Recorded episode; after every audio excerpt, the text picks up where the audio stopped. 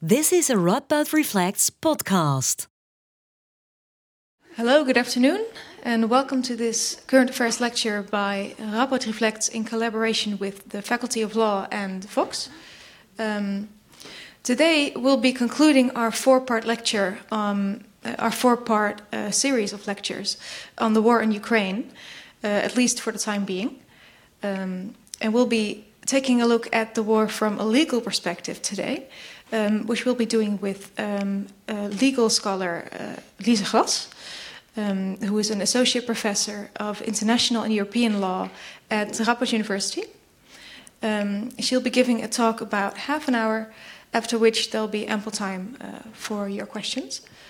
Um, my name is Pam Teunissen. I am uh, a um, program developer at Radboud Reflects. And yeah, I think without further ado, uh, I can give the floor to Lise Glas. So give her a warm welcome.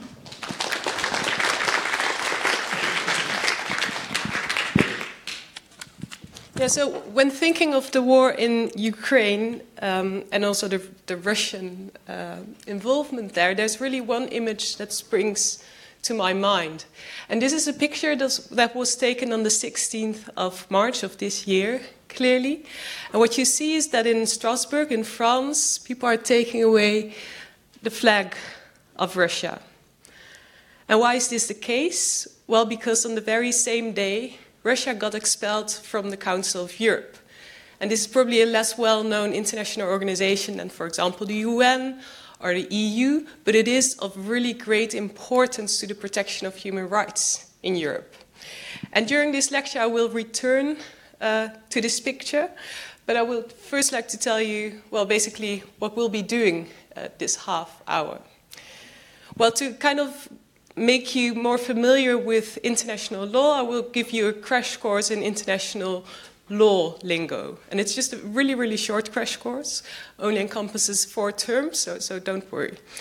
Um, and I will then briefly also deal with two questions. The first one is Is the war legal?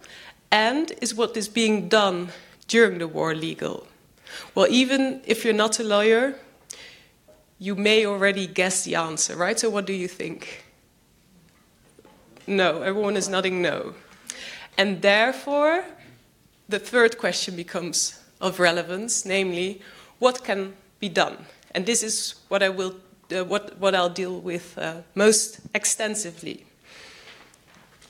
So the lingo, um, as, as part of this crash course, I would like to introduce four areas of international law to you, because I'll be using these terms throughout this lecture.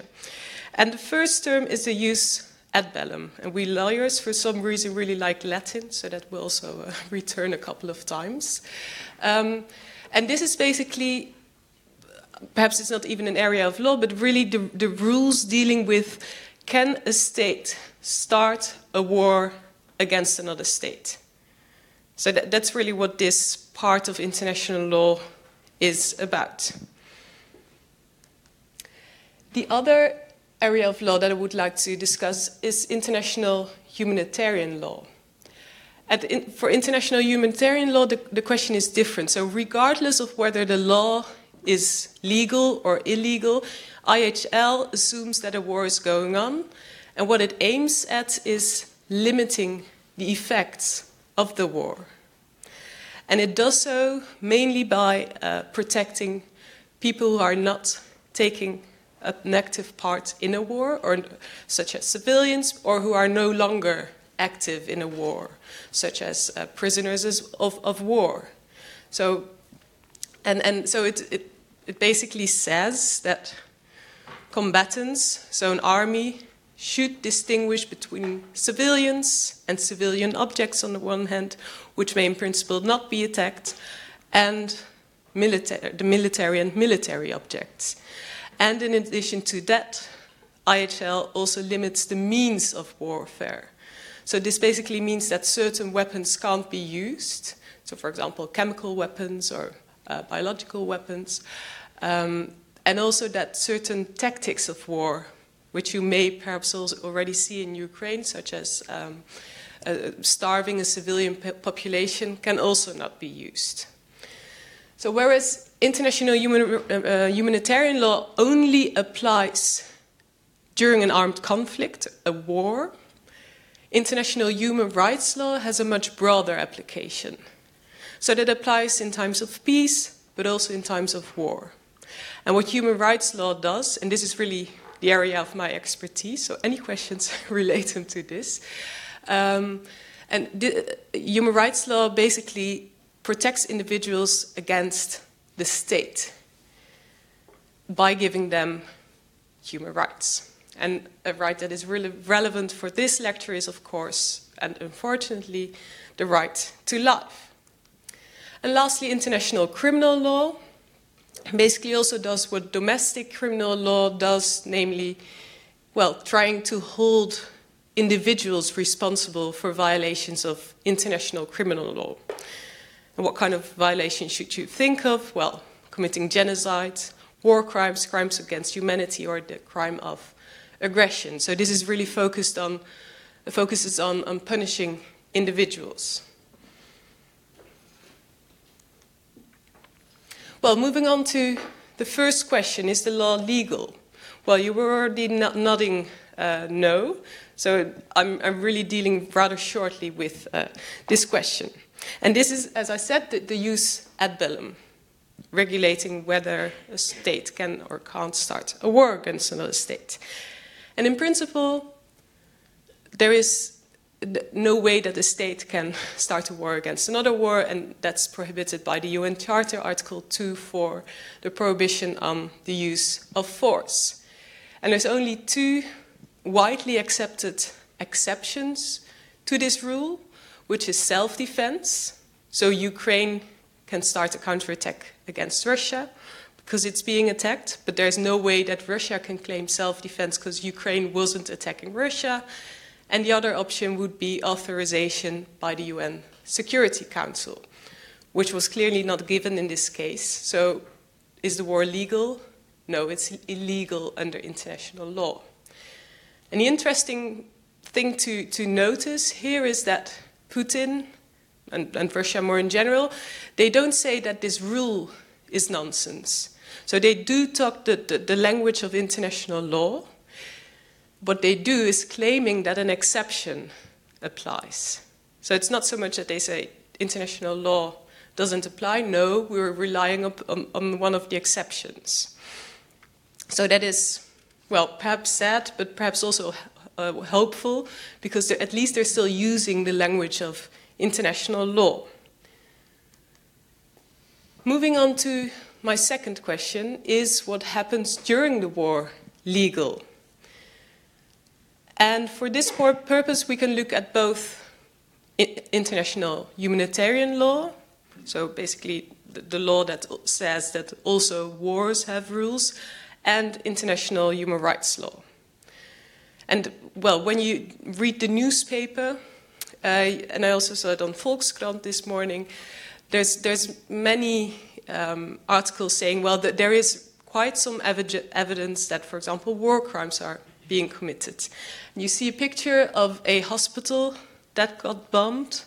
And according to the World Health Organization, at least last week, already 40, uh, no, 64 medical facilities had been attacked. Clearly, you can't uh, attack civilian objects. So this is, would be a, a, a war crime. Um, and in addition to that, um, there is also evidence that Russia is using cluster munition. And because of the, the, the, widespread effect of this weapon, if you use it in an area where there's many civilians, you can't distinguish between civilians and combatants. And in that context, this would also be a, a war crime. And th th these are just two examples, right? Well, when talking about human rights law, I already said that the right to life is at stake amongst many other rights, but this is of course the, the, I would say the one of the most important rights, and also the ones that that gets violated rather badly.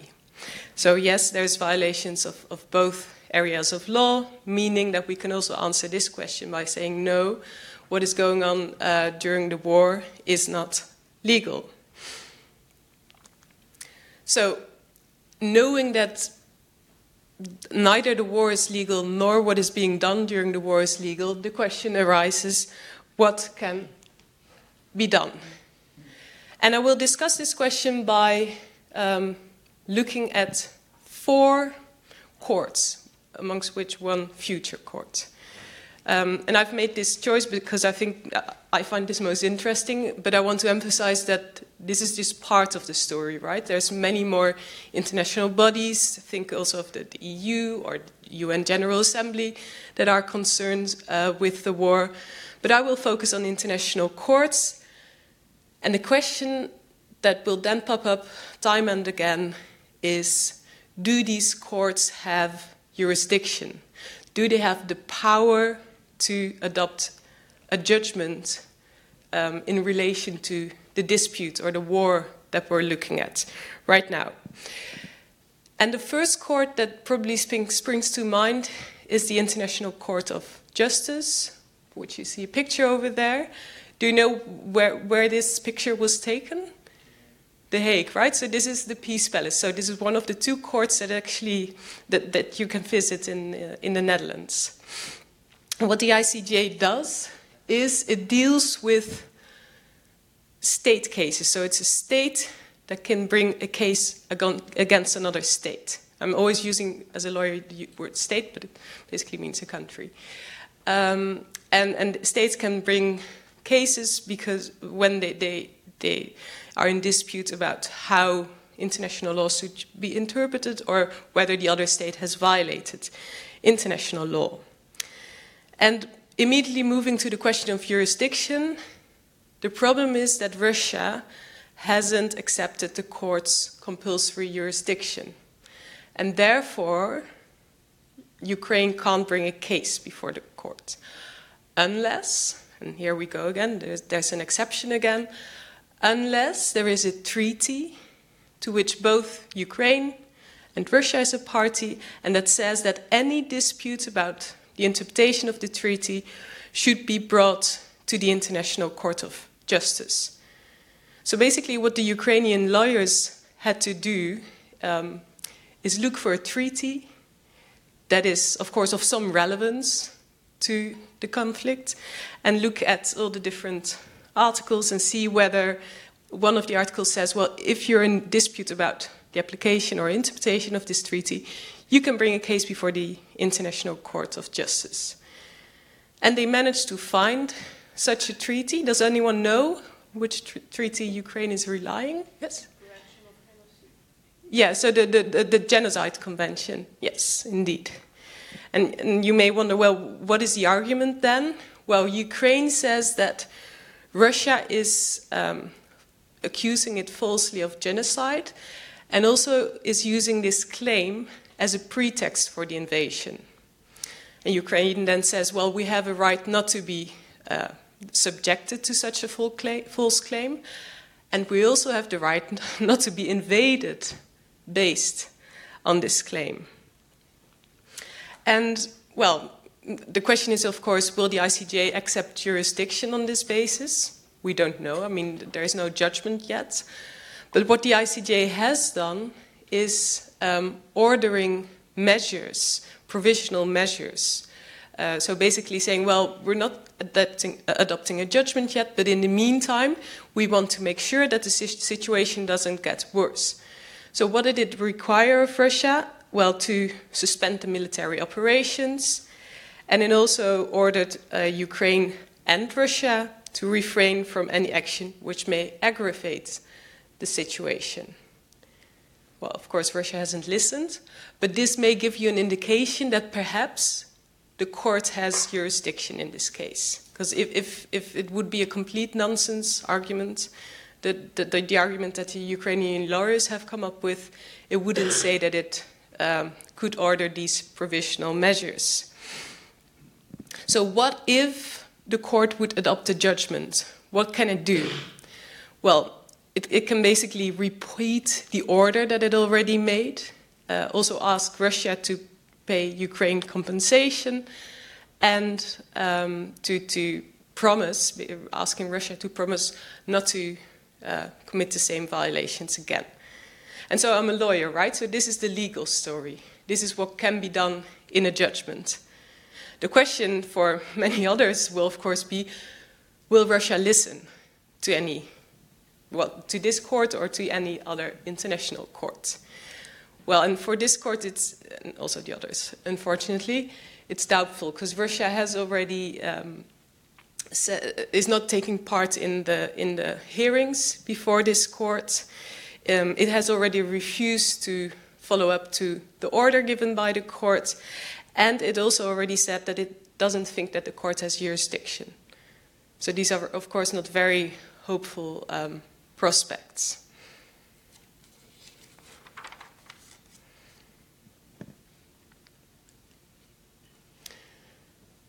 Another international court that you can find in The Hague is the ICC, so the International Criminal Court, which is, of course, applying international criminal law. So before this court, actually individuals can be brought and then need to stand trial for uh, violations of international criminal law.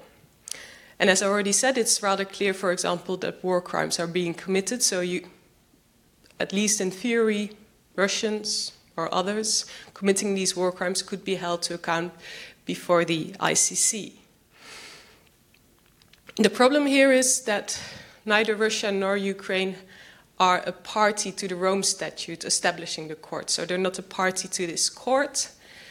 But the good news is that in 2014, Ukraine accepted the court's jurisdiction indefinitely for well, stuff that, of course, is going on on its territory.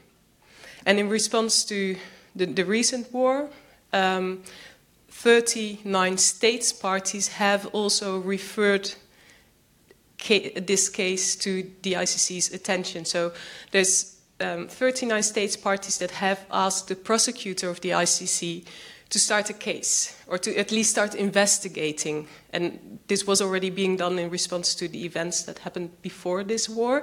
But th this, this combination of the, the states referral and Ukraine saying, well, we accept jurisdiction of the court, will give the court jurisdiction. So this is again, it, it's kind of complicated, but this problem of jurisdiction gets solved in the end.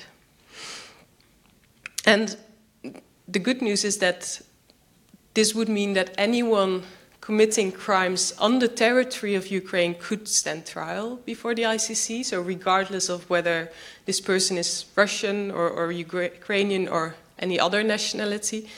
And what can happen at the end of a usually rather lengthy uh, legal process is that someone is put in prison, is given a prison sentence. And you may wonder well, will this mean that Putin or one of the persons really close to Putin or someone really high up in the army will one day stand trial before the ICC? Well, there's two problems here. The first is a legal problem, and that is the fact that Putin is a political leader. He's not involved in any of the acts that are being committed on the ground. And therefore, it's, it's hard to really link him to any of the crimes committed there, any of the war crimes or the crimes uh, against humanity. And it was also tried in 2019 to, um, to get uh, the, the, former president of Ivory Coast, Gbagbo, um, he, he went to the ICC, but he got um, acquitted because simply the ICC couldn't um, find enough evidence, or the prosecutor hadn't presented the court with enough evidence. So this makes you wonder whether this will be the case for Putin. A practical problem is that this court will only deal or really start a case, uh, will, will impose a prison sentence on someone who is present in The Hague. And clearly, if there's no regime change, Russia is not going to uh, surrender Putin. So, well, chances aren't really high because of this legal and because of this, this practical problem that Putin will stand trial before the ICC. What can be done by the ICC is, you know, trying to, to get to Putin to, is to issue an international arrest warrant. And that means that the 123 states that are a party to the ICC need to arrest and surrender Putin when he travels to their territory.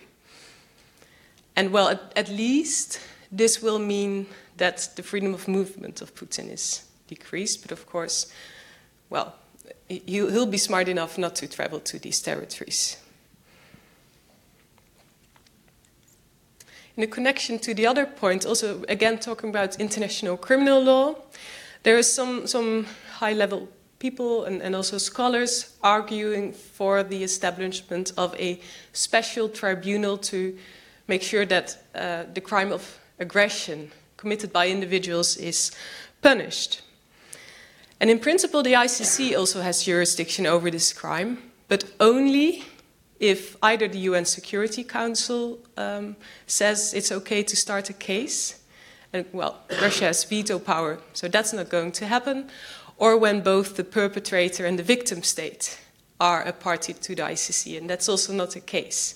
So you can't try this crime of aggression, which is a violation of the prohibition of the use of force in Article 2.4 of the UN Charter. You can't try this crime before the ICC, and therefore people have argued uh, and said, well, perhaps we should come up with a new criminal tribunal to punish this crime. Another reason for this is that it's actually easier to get Putin convicted for the crime of aggression than for any of the other crimes.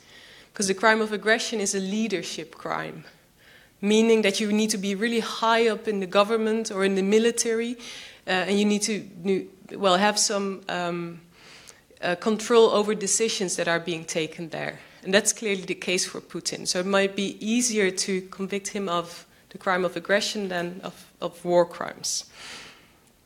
And well, we, we don't have such a tribunal yet. It's just people arguing this and submitting declarations and, and writing blog posts uh, about this. But it could happen that, for example, the UN General Assembly recommends the establishment of such a tribunal and that it will then be uh, established together with Ukraine.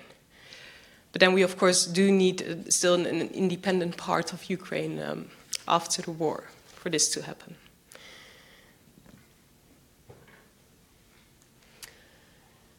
And the last court that I would like to discuss is the European Court of Human Rights, which is the, the court that is at, really at the core of my, my research interests. And it's a and not and it's and I find it really interesting to research this court because it's one of the only courts where individuals can directly bring a case against a state, meaning Ukrainians can, well, in theory, I'll get to the jurisdiction point later, can bring a case before the European Court of Human Rights to complain about the violations that Russia commits. And actually, this is something that happens a lot. So, only last year, so just in one year, over 10,000 cases were brought uh, before this court against Russia, mainly by, by Russians. And this is also why it's really bad news that Russia got expelled from the Council of Europe, because this court, the European Court of Human Rights, is part of the Council of Europe. And because Russia got expelled from the Council of Europe, it will also leave the European Court of Human Rights, meaning that ordinary Russians, who very often can't find justice in their own legal system, can no longer bring cases to this court. So, moving back to the war. As I said, um, the first option would be that ordinary Ukrainians bring cases before this court. The problem is that states are usually only responsible for violations committed on their own territory. And luckily, Ukraine is not considered to be Russian territory yet. Um, so th that may complicate things. However, there's of course also an exception to this rule, and that is when a state has effective control over the territory of another state. And the court has, for example, said that Russia has effective control over um, Transnistria and Moldova. So th this is maybe an argument that could fly. A counterindication is that the court uh, once said in a case that was brought by Russia against, uh, no, by Georgia against Russia, that during the phase of active hostilities, so when there's actually a war going on, states can't have effective control. Because it's, of course, hard to effectively control territory if you're still fighting for it. So, this may be a counterindication for jurisdiction. However, just like the International Court of Justice, the European Court of Human Rights has also made orders asking Russia not to um, uh, attack civil, civilians and also civilian objects. So, this may perhaps be an indication that it will accept cases against Russia um, because of the war. So, this is again the legal story. Um, what the European Court of Human Rights can do, also as part of the legal story, is ordering Russia to pay compensation to victims or asking Russia to pay compensation to Ukraine, who can then pay compensation to victims, because it's not, as the, the, you see on the pictures, it's not just individuals, but also states that can bring cases. Well, and then the question is will Russia listen? And I don't think so, unfortunately. Um, Russia's track record is really bad when it comes to enforcing judgments of the European Court of Human Rights. And moreover, as I already told you two times, it has left the Council of Europe. So it's not even part of this organization anymore. So why bother listening to the court of this organization?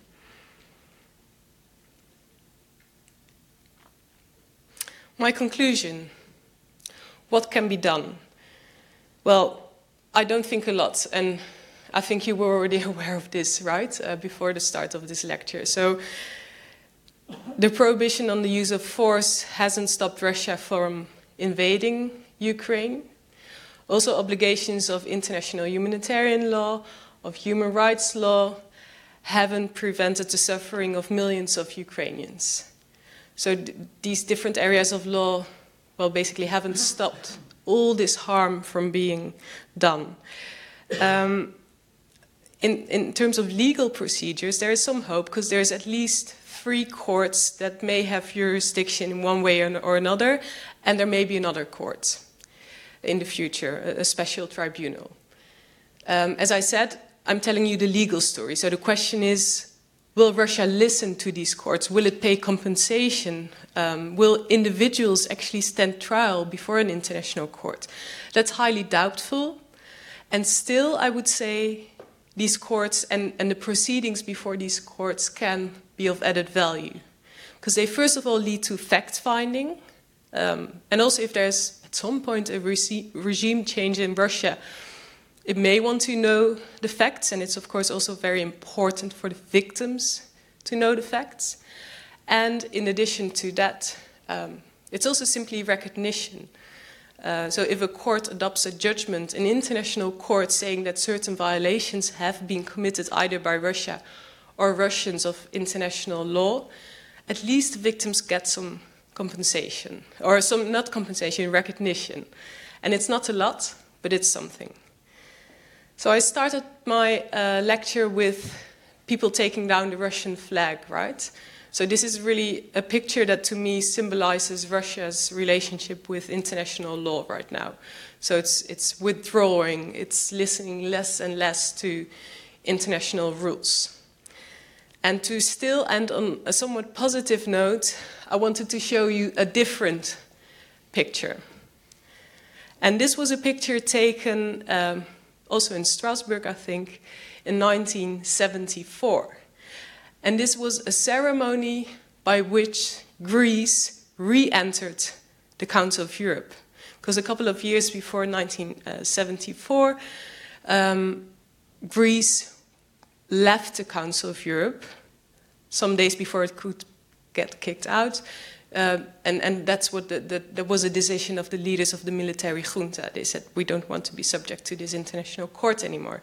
But still, Greece, after a couple of years, rejoined the Council of Europe. So perhaps Russia may rejoin the Council of Europe after a couple of years as well. And even though Council of Europe, Europe membership doesn't equal respect for human rights per se, it at least means that a dialogue is going on between the state in question about its human rights obligations, and it also means that human rights are being reviewed, and most importantly, I think that individuals can bring uh, claims of violations before the European Court of Human Rights. Thank you.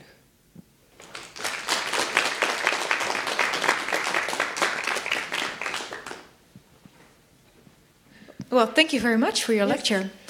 As I said, this concludes our series on the war in Ukraine for the time being. Uh, but if you want to uh, watch the recordings, you can find them on our website.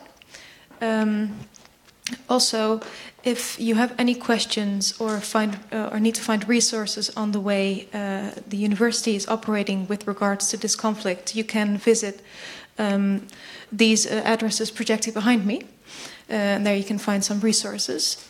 Um, Lisa, thank you very much for your lecture. Um, and thank you for attending, and hopefully, we'll see you uh, at our next event. So, give warm applause.